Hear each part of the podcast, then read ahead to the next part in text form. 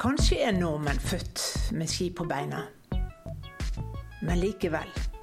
Jeg trodde ikke at eh, mennesker har gått på ski over breen i Breheimen midtvinters for 2700 år siden. Noe vi kanskje ikke trodde man gjorde, fordi det var jo forbundet med en viss risiko. Nettopp. Nå var mannen fra bronsealderen som mistet skien sin på breen, helt sikkert ikke på skiferie i vinterferie. Men hva hadde han å gjøre der oppe på isen? Dette er Forskningspodden. Jeg heter Anne Synnevåg. Isen som, som eh, smelter i norske høyfjell, er jo en direkte konsekvens av de pågående klimaendringene. Han du hører her, er Lars Pilø. Du kan ikke kalle det for bredarkeolog? Du kan godt gjøre det.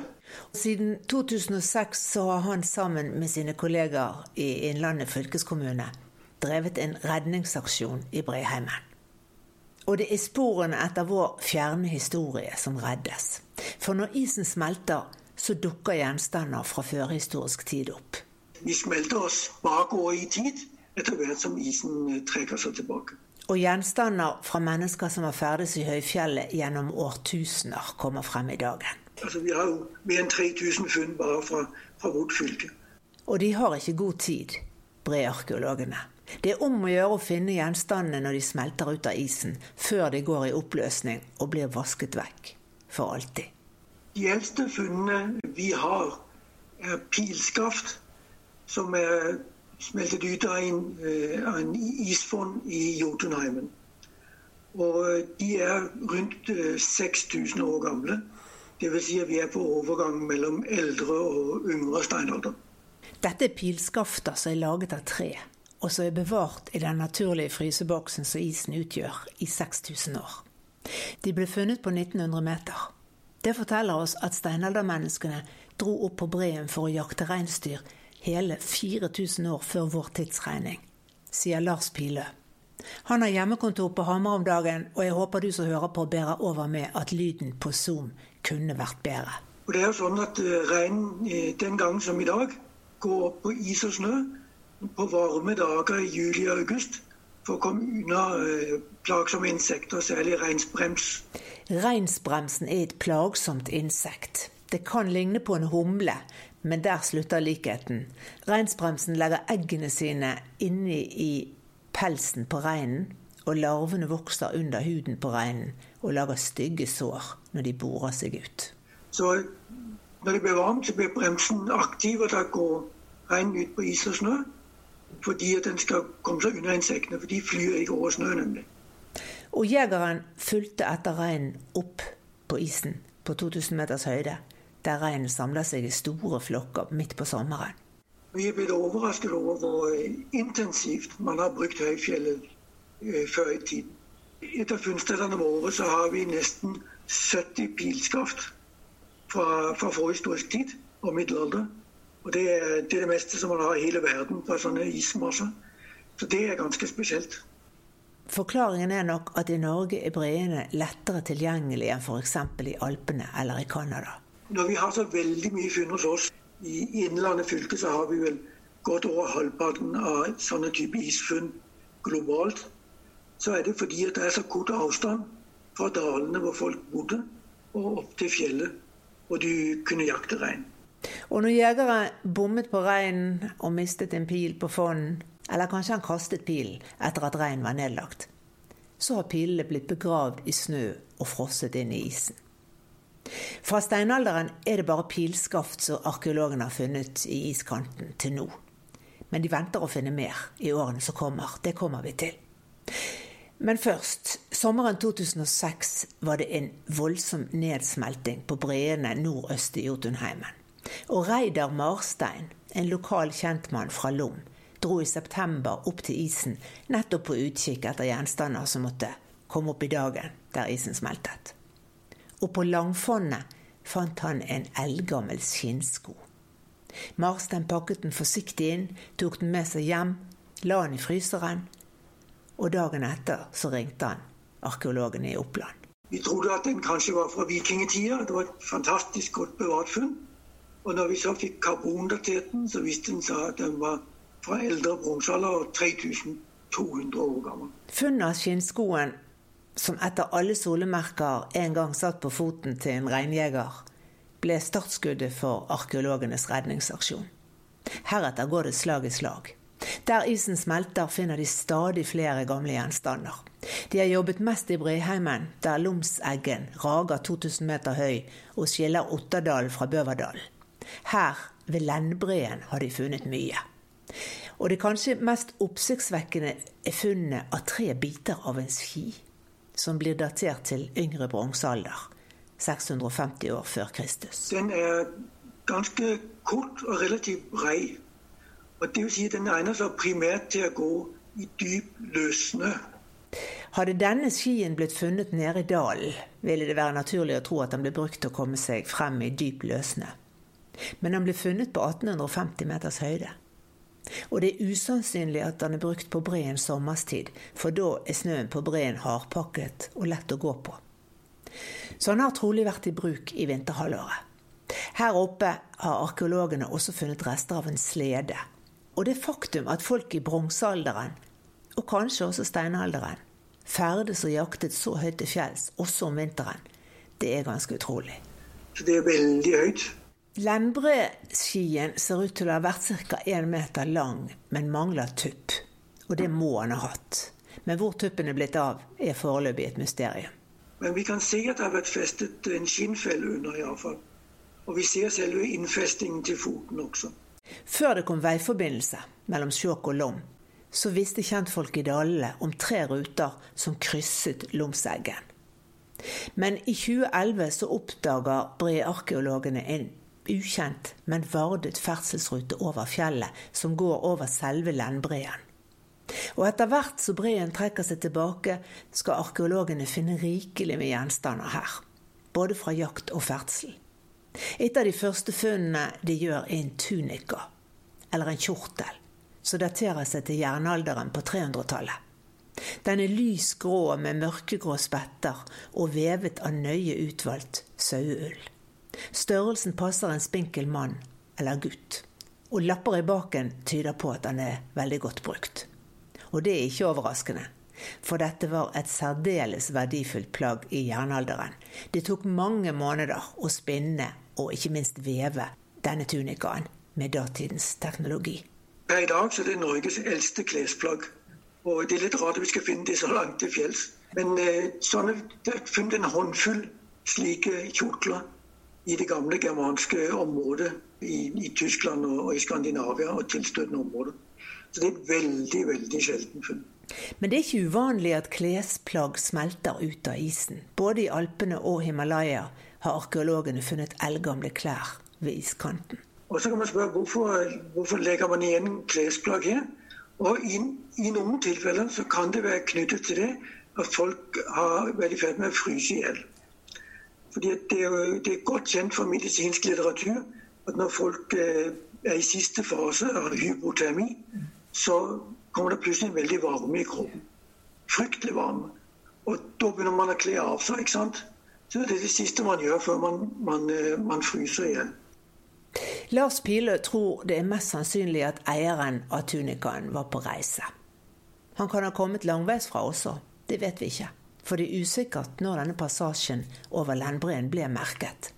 Det som er påfallende, er at de tre passasjene over Eggen som har vært kjent for folk i dalen opp til vår tid, alle er dårlig merket. Det forteller oss at de må ha vært brukt av kjentfolk fra bygdene. Men ferdselsstien over Lendbreen den er veldig godt merket. Det er kanskje 100 varder over isen da, og opp og ned på begge sider av fjellsida. Og det får oss til å tro de folkene som har gått av, det har vært folk som ikke har vært lokalkjente til dels. Og det er det som er grunnen til at Ruter er så godt merket. Og så er det én ting til, og det er at oppe på toppen i fjellpasset så er det laget et skjul som er bygd opp med steinmurer og sånn. Taket er borte i dag. Men så har man har hatt behov for ekstra beskyttelse for de som, eh, som rester. Og så er det på toppen også ganske mye sånne små varding. Og vi ser hvor Vardene er veldig overgrodd, så det er ikke noe som er satt opp de siste par hundre åra. Og denne type små varding finner du heller ikke i de andre fjellpassene.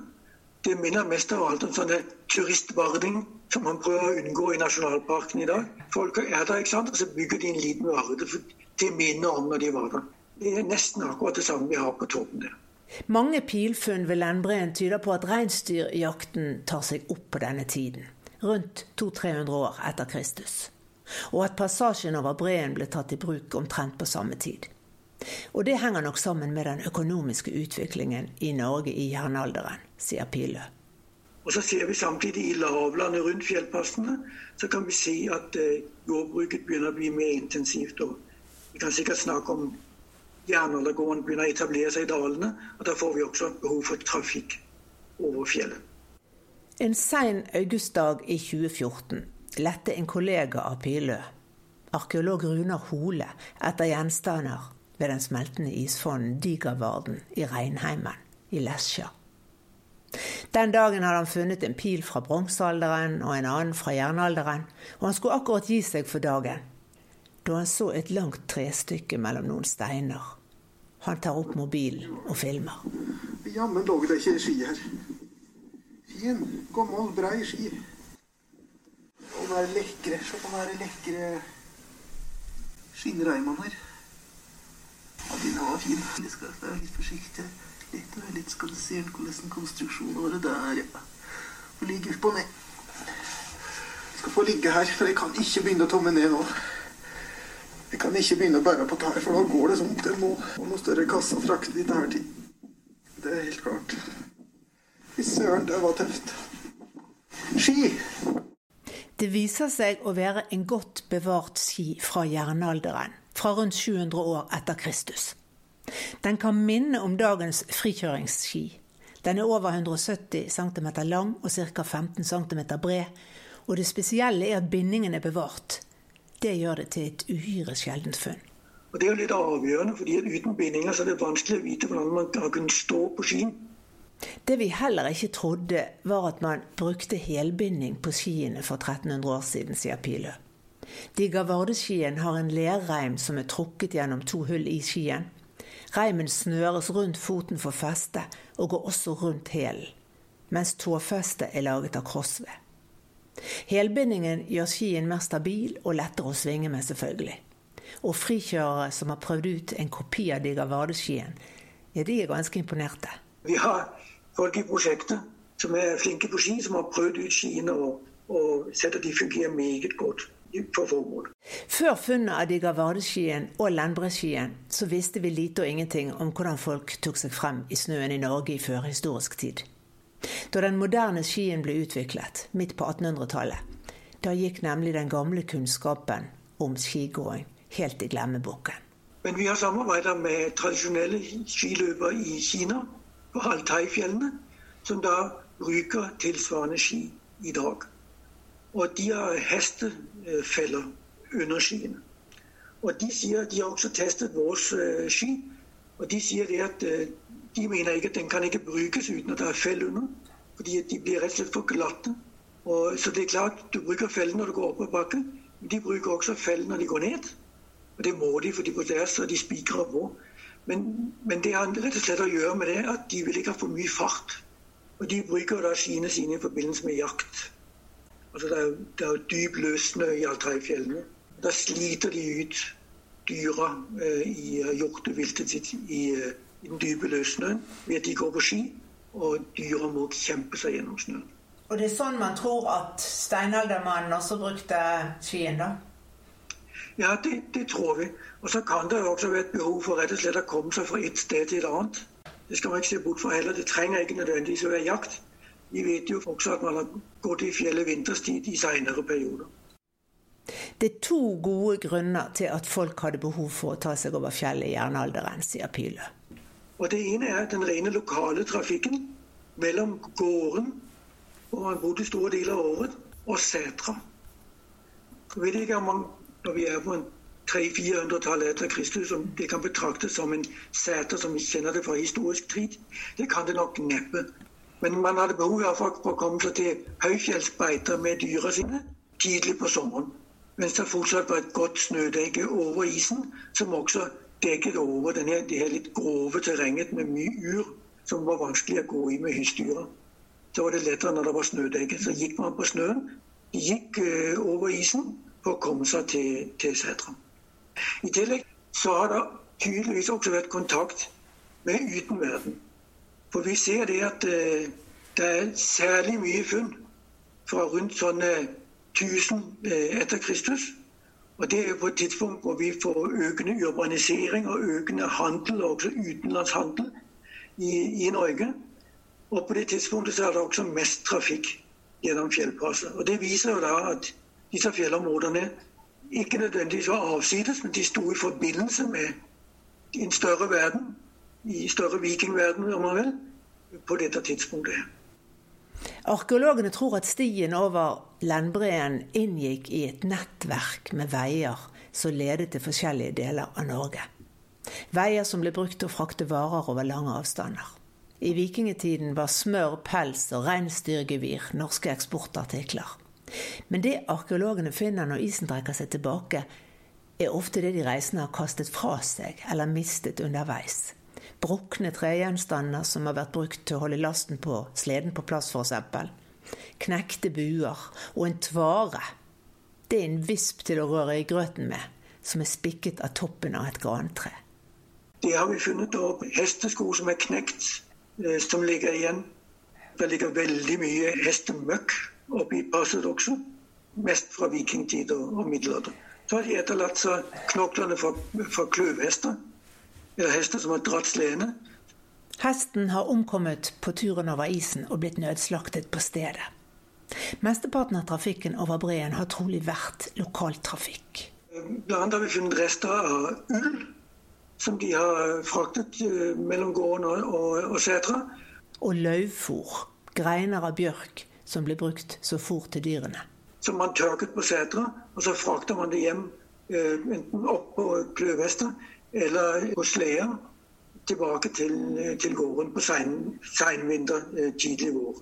Og Løvfôr har vi funnet på Lennbreen, og vi har datert det, og det stammer fra vikingtid og tidlig middelalder. Så det viser da at det har vært trafikk med den slags høyt til fjells, antakeligvis seint på vinteren. Det, det, er egentlig nesten litt sjokkerende, men det, det faktisk forholder det seg slik. Men den godt merkede ferdselsveien over breen kan også ha vært brukt av gudbrandsdøler på vei over fjellet til Sogn for å handle. Hvis det var litt sånn dårlig med mat, så dro de til Sognefjorden. Knytta seg til ruten over Sognefjellet. Og så dro man for å skaffe seg bygg. Man skaffet seg tørrfisk og salt. Det var de tre tingene som var det viktigste. Vi har ikke funnet noe av det oppe på fjellet, men det var iallfall det man handlet med i historisk tid. Og Grunnen til at de ikke har funnet spor av tørrfisk eller bygg fra breen, tror Pilø er ganske enkelt at matvarene har vært godt pakket på sleden eller kløven. Det, det kunne være ganske dramatisk å skulle dra over fjellet midtvinters. Det er jo en eh, beskrivelse av eh, seks lokale karer som omkommer når de prøver å gå over i, i februar måned. Og da, da en storm som kommer litt brått på. Og både de og kløvhestene deres omkommer på fjellet. Og det finnes faktisk en, en historisk kilde fra ca. 1400, et sånn middelaldersk diplom, hvor forskjellige gårder i, i Lommaslov blir, blir pålagt å har ansvar for å frakte ned døde manner fra fjellet. Altså døde menn eller mennesker eh, fra fjellet. Det var deres jobb. Og samtidig har de sikkert fraktet den dyrebare lasten med mat ned fra fjellet også, tenker jeg. Fra 1100-1200-tallet så er det mindre å finne på breen. Trafikken over fjellet minker. Den dabbet av relativt raskt, kanskje fordi handelsveiene og handelsnettverkene her forandret seg på dette tidspunktet her. F.eks. kan vi tenke oss at mer av trafikken gikk, eh, gikk til sjøs og ikke landeveien.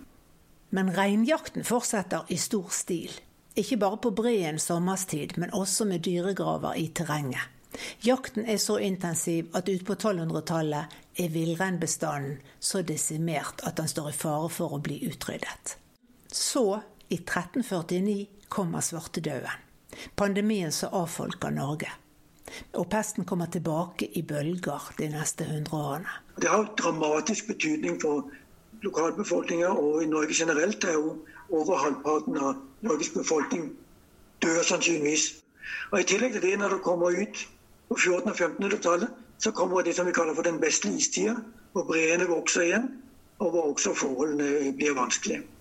Trafikken over fjellet avtar. Først på 1600-tallet begynner bosettingen i Gudbrandsdalen å ta seg opp igjen. Og folk drar over fjellet til Setra igjen. Men da er ruten over Lendbreen gått i glemmeboken. Lars Pilø kaller seg gjerne brearkeolog.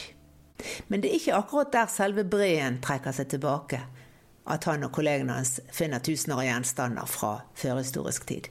Isfonner og isbreer det er to forskjellige dyr, så de oppfører seg litt ulikt. Mens isbreene ikke lar seg påvirke stort av hvor mye det snør og blåser om vinteren, så er isfonnene avhengig av påfyll av snø og sterk vind for å bygge seg opp. Og det er der disse isfonnene smelter, at brearkeologene finner ting. Ja, det er der vi kan finne gamle ting. Du kan også finne ting i isbreer. Men, men, det vil da som regel være ting som ikke er mer enn maksimum 300-400 år gamle. Fordi at isbreene fornyer seg sjøl. Sklir nedover nedover bakken. Og, og så funn som blir mistet i isbrevet, da kom ut nederst i, i breporten da, etter, etter, noen hundre år. Så det du finner i isbreer, det er helst fjellvandrere som har vært uheldige og falt i en isbrekk, som kommer ut igjen da etter, etter, en stund. Eller fly som er styrtet. Det er funnet noe av i Alpene og i, og i Andes bl.a. Eller fjellklatrere, som, som er kommet en god del ut av, de, av isen de siste åra. Isfondene derimot beveger seg mye mindre. Eh, hadde de beveget seg mye, så ville det ikke ha vært noe bevart. Og det, og det er det jo. Altså, vi har jo mer enn 3000 funn bare fra, fra vårt fylke. Så det er fordi isen ligger relativt rolig. Og at isen fortsetter å smelte, det vet vi. Det er en direkte konsekvens av klimaendringene. Det som eh, breforskerne forteller oss, det er jo det at 90% av isen i de norske høyfjell vil bli borte i løpet av dette århundret hvis klimautviklinga går slik som, eh, slik som, de tror. Og, og, Det betyr også det at de funnene vi gjør ved isen, de vil bli eldre og eldre jo mer isen smelter tilbake. Da Lars Pile og hans kollegaer begynte å lete systematisk ved iskanten i 2006, så fant de mest gjenstander fra jernalder og vikingtid. Fra rundt år 1000 og tilbake til 500 år før Kristus. Men etter noen år begynte de å finne ting som var eldre, fra bronsealderen. Og nå finner de altså ting helt tilbake til steinalderen. Vi smelter oss bakover i tid etter hvert som isen eh, trekker seg tilbake. Og så kan man lure på hva som venter på oss i bunnen av isfondene når vi kommer helt til slutt. Det kan vi lure på. Og nå trenger spørsmålet seg frem. Venter Lars Piløy på at han en dag skal finne et steinaldermenneske i iskanten? at isen smelter ut en norsk Øtzi. Venter og venter. Er det lov å håpe? Skulle det skje også i Norge, at isen smelter ut en mumie, ja, så har brearkeologene en kasse med utstyr stående klar på Norsk Fjellsenter i Lom. Med beskyttelsesutstyr og munnbind, med brekkjern for å løsne is og snø, og kokeutstyr til å varme opp vann så de kan tine fri levninger. Og det er fristende å tenke at når man først fant Øtzi i Alpene, mer enn 5000 år etter at han forsvant i isen, så må det vel være mulig å finne en mumie fra steinalderen i norske breer også. Men det skal en del til for at vi skal få bevart menneskelige rester i isen. Sier Pilø. For det var mange spesielle forhold som gjorde at Øtzi ble bevart i isen. For det første så må du dø i fjellet. ikke sant? Og Det gjorde folk før i tiden også, det vet vi godt. Og I tillegg til at de dør i fjellet, så må de dø på is. For Hvis de bare dør i terrenget, så blir de jo borte. Så de må dø på is. Og så må det være is som ikke beveger seg. Altså det må være en isfond, ikke en isbre. Og så må de som Øtzi bli liggende på overflaten av isen en stund, sånn at de kan bli frysetørka. Hvis ikke de blir det, så eh, går kroppen i oppløsning. Den angriper seg selv innenfra. Det finnes rekke funn av soldater fra den hvite krigen mellom Østerrike og Italia i Sør-Tirol, første verdenskrig, som er kommet ut av isen de siste åra. Og de er ikke godt bevart. Da er det mest uniformene og sånt er bevart, mens kroppen er ganske nedbrutt. Så du må ligge på overflaten og fryse og tørke sånn som Øtzi.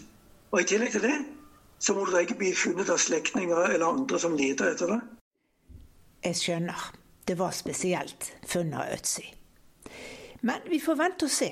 Det som er spesielt hos oss, er jo at vi nå vet at veldig mange mennesker har ferdes på isfonnene i den norske breheimen gjennom årtusenene.